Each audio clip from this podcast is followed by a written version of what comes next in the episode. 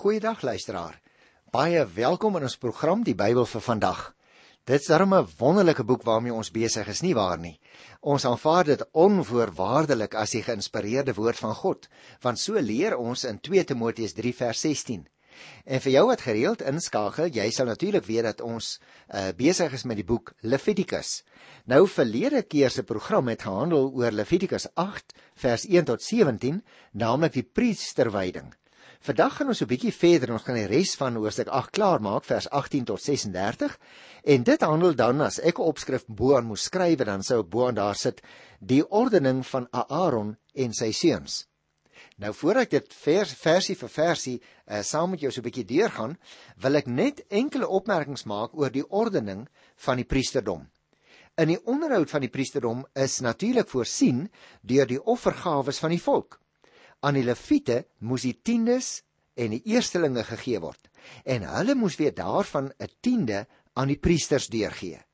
Nou as 'n mens uh en ons sal nog daarby kom by Numeri 35 en 48 gaan lees, ehm uh, dan sien jy stede met weivelde wat ook aan die leviete gegee is waar hulle kon woon wanneer hulle diensbeurte by die tempel hulle dit toegelaat het. En hierdie 13 stede wat ons nog sal behandel, uh is besonderlik aan die priesters spesifiek toegesê. Met ander woorde, hulle het nie persoonlik grond besit nie, maar hulle het uh gebiede besit waar hulle so lank as wat hulle priesters was kon woon uh en ook uh bietjie boer uh nadat hulle die beloofde land ingetrek het. Maar behalwe nou die dele van die offervleis wat nie verbrand is nie en die offergawes het alle bangoed ook die eiendom van die priesterdom geword. Ons gaan nog daarby kom uh by Numeri 18, so ek wil nie nou daaroor gesels nie. Die priesters en die leviete wat diens gedoen het, het in die vertrekke by die uh, tempel gewoon nadat die tempel opgerig is deur koning Salomo. Maar hier in die woestyn, toe dit nou net die tabernakel was, was dit natuurlik nie moontlik nie. Nou goed, kom ons begin nou hier by Levitikus, die 8ste hoofstuk van vers 18 af en ek gaan vers 18 tot 25 eers lees dan gesels ons uh, so klein bietjie met mekaar daaroor. Toe is die ram vir die brandoffer nader gebring na die altaar toe. Aaron en sy seuns het hulle hande op die kop van die ram gesit. Moses het hom geslag en die bloed rondom die altaar gegooi.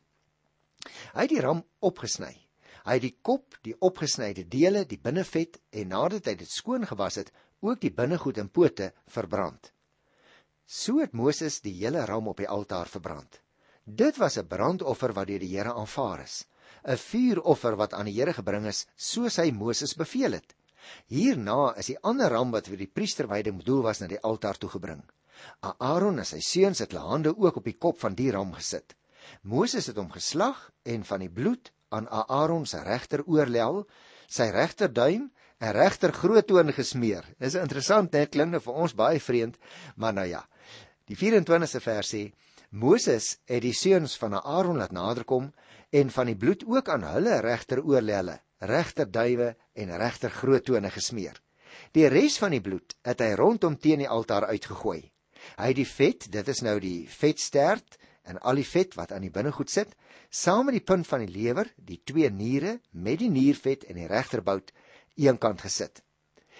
Nou luister as jy moet nou oplet deur 'n ram uh, hier te bring as 'n brandoffer is Aaron en sy seuns se verbintenis met die Here en hulle vertroue op die Here en ook hulle afhanklikheid van die Here natuurlik bevestig.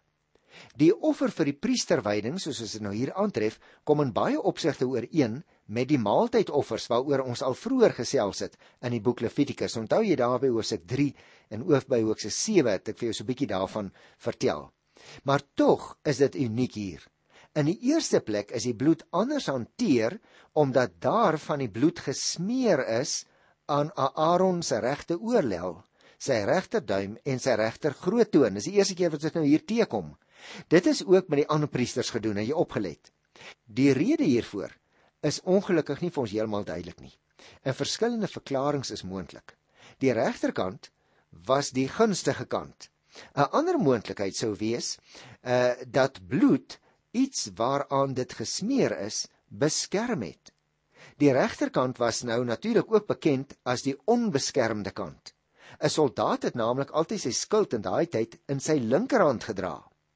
Deur die bloed nou aan die belangrikste uitstaande punte aan die regterkant van die liggaam te smeer, is die hele liggaam beskerm teen onheil. Dit is een van die meer waarskynlike verklaringe. Ek sou nou ook ander verklaringe vir jou kon noem, maar dit is 'n bietjie spekulatief.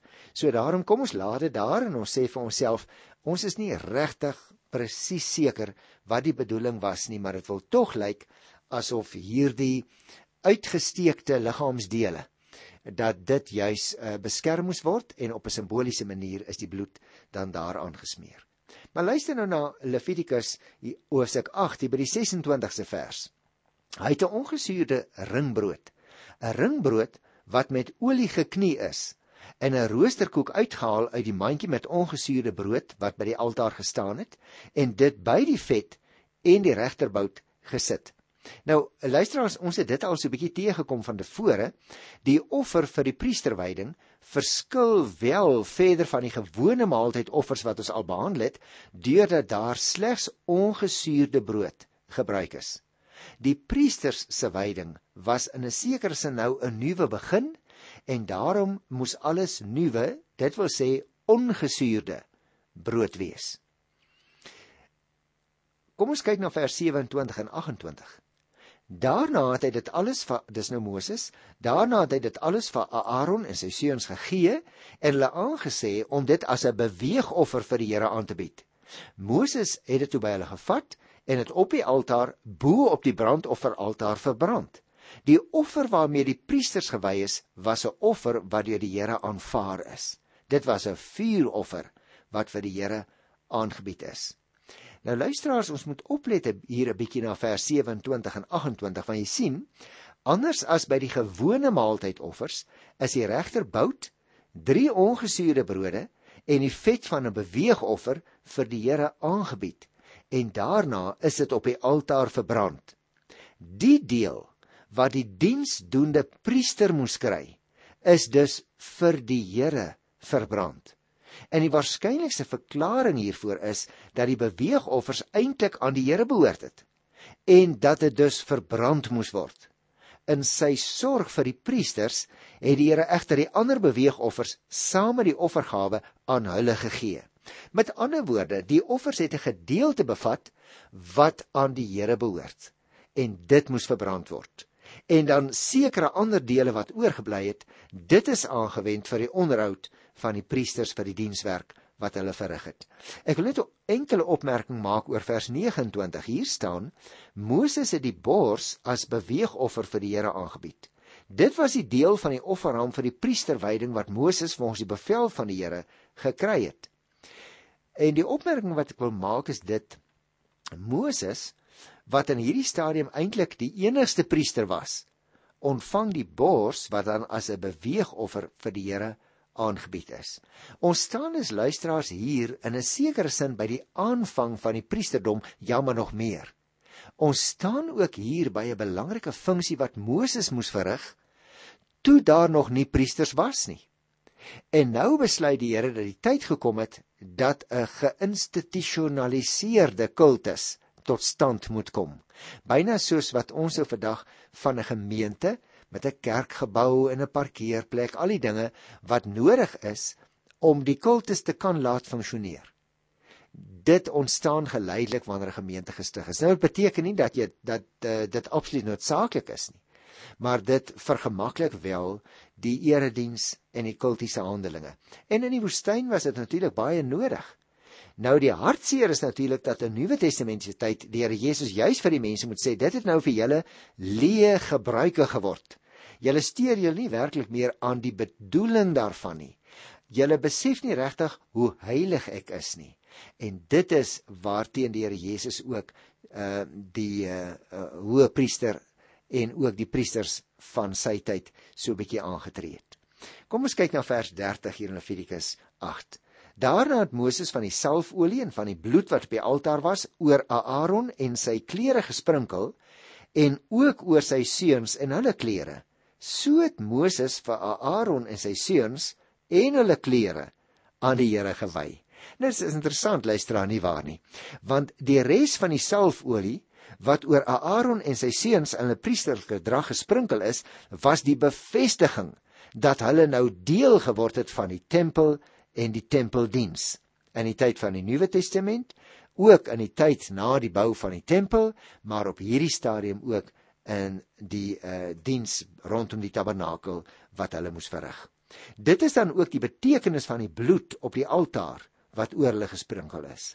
In Eksodus 24 tussen hakies daar van die 5de vers af, uh sal jy nog onthou, toe ons dit behandel bevestig die bloed wat op die altaar en die volk gesprinkel word, dat daar 'n baie baie besondere noue band, naamlik die band van die verbond tussen God en sy volk bestaan.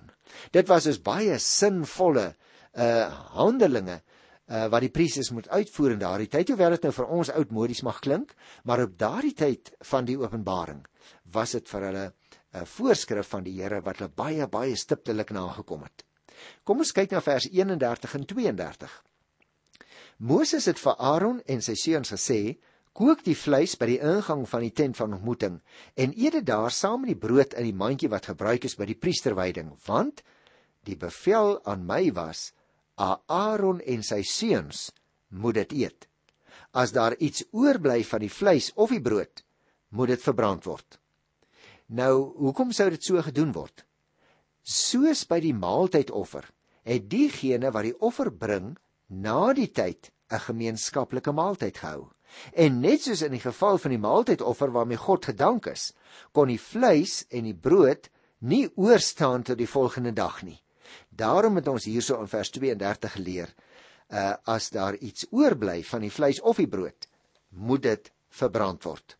Nou kom ons kyk na die laaste 4 versies hier van Levitikus 8. Ek gaan dit eers lees, dis vers 33 tot 36 en dan gesels ons weer so 'n bietjie daaroor. Julle mag 'n week lank nie die ingang van die tent van ontmoeting verlaat nie, nie voordat die 7 dae van die wydingsseremonies verby is nie. Die dinge wat vandag gedoen is op bevel van die Here, was bedoel om julle sonde te versoen. Daarom moet julle 'n week lank dag en nag by die ingang van die tent van ontmoeting bly en die bevel van die Here uitvoer, anders sal julle sterwe.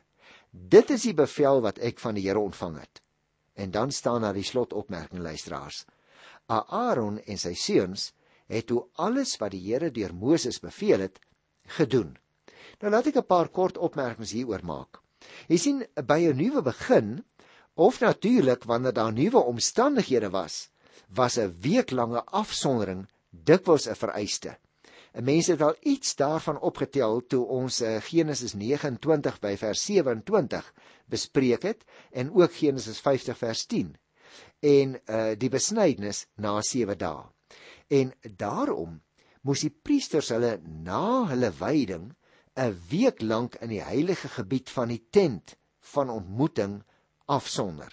Hulle moes dus as dit ware in die teenwoordigheid van die Here bly vir 'n paar dae voordat hulle weer met hulle gewone priesterlike werk kon voortgaan. Luisteraars, die priesterwyding was in die eerste plek bedoel om die priesters se sonde te versoen. Dit blyk baie duidelik uit vers 34. Laat ek dit net 'n oombliekie uh weer vir jou lees want uh Ek dink ons moet dit net raak sien. Die dinge vers 34, die dinge wat vandag gedoen is op die bevel van die Here was bedoel om julle sonde te versoen. So dit is natuurlik hoekom hulle dit moes gedoen het. Jy sien, die mens se sonde is die grootste enkele struikelblok wat verhinder dat hy in diens van God kon staan. Daarom moes die priesters se sonde eers versoen word voor God voordat hulle kon aangaan met die besondere werk waartoe hy hulle geroep het. God alleen kan hierdie struikelblok van sonde uit die weg neem. En dit was die manier wat hy ingestel het sodat die priesters met hom versoen kon word. Nou ons het nog 'n rukkie in ons program vandag oor en daarom wil ek net so 'n paar breë opmerkings maak oor die hooftemas. Want jy sien, ons het nou so ingeduik in die diepte van die detail van die verskillende hoofstukke en soms vergeet 'n mens soms wat is die hooftemas wat nou eintlik in die boek Levitikus na vore kom. Ek gaan so 'n paar opmerkings daarvan maak. Ek sou sê die een hooftema is is die van die offer. En uh, daar word 5 soorte offers beskryf. Die een groep sluit offers van dankbaarheid en lof en aanbidding in En die ander groep offers uh, handel oor verzoening en die wegneem van skuld en sonde. En dit is nou waarmee ons te vandag ook hier te make gehad het in Levitikus 8. Nadat die priester gewy is aan die Here, moes sy sonde eers versoen word. Die vraag sou natuurlik ontstaan hoekom? En ek sou so daarop wou reageer. Die volk het geoffer om hulle afhanklikheid en hulle verbondenheid aan God te bevestig, maar ook om vergifnis van sonde te kry. Nou leer ons juist daaruit hoe belangrik dit is dat jy en ek deur die Here aanvaar sal word en hoe ons sonde dit deur al die eeue nog verhinder. Want jy sien ons het nie net erfsondes nie, ons het daagliks ook daadsondes. En in die offer is dit nou duidelik dat ons nie van self vergewe kan word nie. Volgens God se stelsel word 'n lewe vir 'n lewe geëis. In die Ou Testamentiese tyd is 'n die dier dan geoffer sodat 'n mens gered kon word. Dit was egter net 'n tydgebonde maatreel, hoor. Want jy sal weet, die Here Jesus het met sy dood vir ewig die prys betaal vir alle mense se sondes. So een hooftema in Levitikus handel oor die offers en die offerstelsel. 'n Tweede hooftema wat ons baie duidelik in die boek Levitikus kan raaklees is toewyding aan die Here. En daar was, so het ons nou al van tevore gehoor, sewe verskillende godsdienstige feeste. Ons leer uit hierdie feeste dat God van ons toewyding vra, ook in die alledaagse lewe hoor. Die Here se wette vir aanbidding het 'n geordende en 'n gereelde stelsel vir diens aan en in die gemeenskap van destyds vereis. En die wette het dan voorsiening gemaak vir feeslikheid en vir danksegging, maar ook vir verering van die Here en van ons mense se kant toewyding aan hom. Jy sien, ons aanbidding moet dieselfde elemente bevat. Mag ek vir jou vra, hoe lyk jou aanbidding? is daar ook in jou aanbidding 'n feestelike atmosfeer. Danksegging teenoor die Here wanneer jy hom aanbid vir dit wat hy vir jou gedoen het. Maar ook vir verering waarin jy sommer net die Here vereer vir wie hy is. En bestaan jou toewyding ook as 'n deel van jou aanbidding. 'n ander soort tema wat ons deurgangs in die boek Levitikus skryf, wel op verskillende maniere, is die van gesondheid. Ons het al sommige van die gesondheidswette behandel en ons gaan nog meer teekom in die boek. Maar uh as dit nou gaan oor gesondheid, dan sou ek dit wou sê, daar was ook wette wat gegeld het vir die hantering van voedsel byvoorbeeld. Uh daar was wette wat gegeld het vir siektes en ook vir seksuele aangeleenthede. Hoewel hierdie wette met uh, doodgewoon die fisieke dinge te, do te doen gehad het, was hulle ingesluit in 'n omvattende lewensverhouding met God. Want jy sien Israel moes destyds anders wees as al die omliggende nasies. Hulle moes hulle geestelike en hulle fisieke geluk in volkomme toewyding aan die Here vind. Onthou op daardie stadium was die ouens in die woestyn En die Here is, as ek dit so mag sê, die enigste wat hulle werklik gehad het. Nou wat leer jy en ek daaruit? Ons moet ook moreel en geestelik aan die Here toegewy wees. Die beginsels vir 'n sinvolle lewe is vandag nog net so belangrik as in die tyd van Moses, nie waar nie? Ons moet die Here dien met elke aspek van ons lewe. Daar kan nie kamers van my lewenshuis wees wat ek uitsluit en sê maar maar ek gaan nie reg, die regering van die Heilige Gees oor hierdie terrein van my lewe toelaat nie. Dit kan tog net nie. Want dit is juis wanneer die Here oor elke aspek van ons lewe regeer dat ons lewe vervulling ervaar. Dat ons geluk belewe in ons lewe nie waar nie. So om in toewyding aan die Here te lewe het daardie mense spesifieke voorskrifte van die Here ontvang. Vir ons in 'n baie intieme verhouding met Jesus Christus omdat die Heilige Gees ons daarin lei, moet ons hierdie verhouding ook nie afskeep nie. Mag ek 'n ander tema noem wat ons voortdurend uh in die boek Levitikus kry en ek het al 'n paar keer daarna verwys, naamlik die van heiligheid. Heilig beteken in die tyd uh waarin die wetgewing van Levitikus gefunksioneer het, afgesonder of toegewy. Jy sien die Here het sy volk uit Egipte laat pad gee en nou moes hy Egipte uit die harte van die mense laat pad gee. Hy het hulle geleer om die heidense volke te vermy, om sober en toegewy aan hom te lewe. En vir jou en vir my, wat sou dit beteken? Natuurlik, jy en ek moet ook ons lewens aan God toewy. Hy verwag van ons gehoorsaamheid. Nie net wat die dinge wat ons doen betref nie, maar ook sover as wat dit ons motiewe aangaan. Ons volg nie vandag meer al die gebruike van Israel nie. Maar ons moet dieselfde toewyding hê en net so bereid wees om die Here met ons hele wese te dien elke dag. Ek wil nog een opmerkingie maak oor die Lewiete want ons lees en ons praat almekaar oor die leviete en uh, ek dink ons verstaan nie altyd hulle rol nie.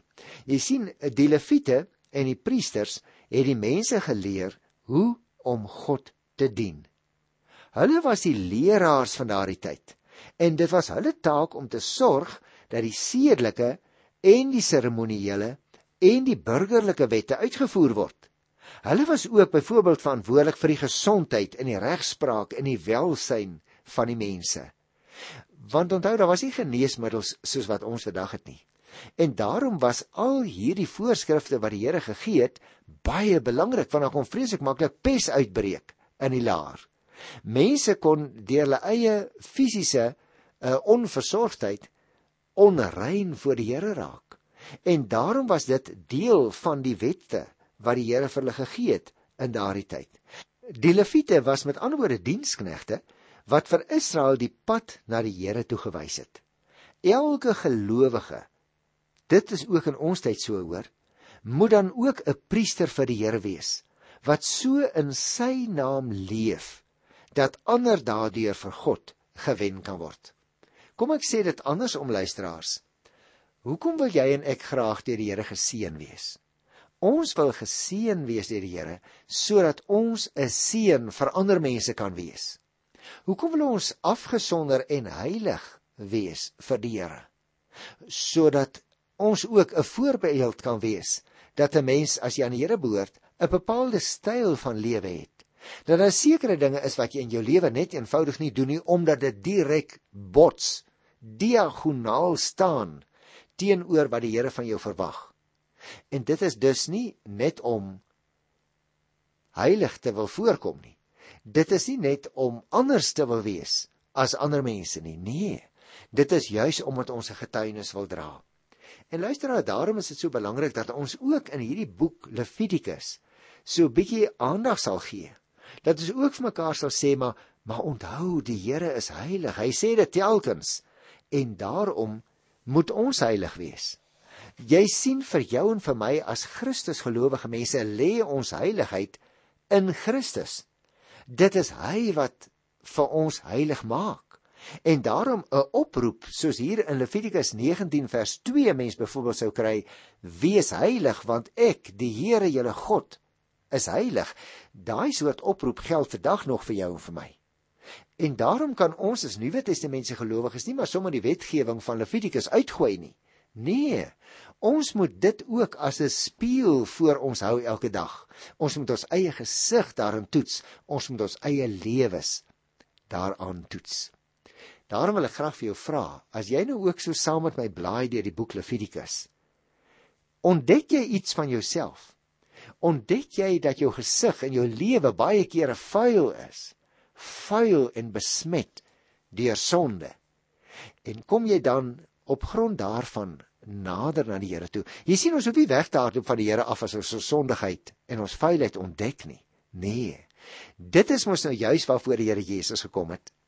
En enige een wat ingeskakel het op ons program die Bybel vir vandag. Ek wil graag vir jou in die naam van die Here Jesus uitnooi. Kom na God toe.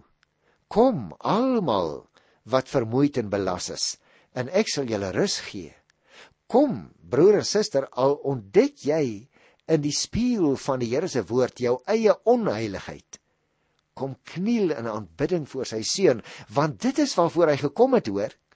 En daarom is hierdie Ou Testamentiese wetgewing hier in Levitikus in 'n sekere sin 'n voorafskaduwing.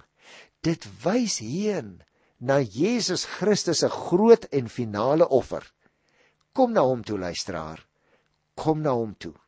Hy het ook vir jou homself gegee as die groot en die finale bloedige offer. Kom na hom toe. Jy's welkom. Wie jy ook al is, wat jy ook al gedoen het. En daarom is dit in sy wonderlike wonderlike naam dat ek jou op hierdie uitnodigingsnoot vandag wil groet. Tot volgende keer. Totsiens.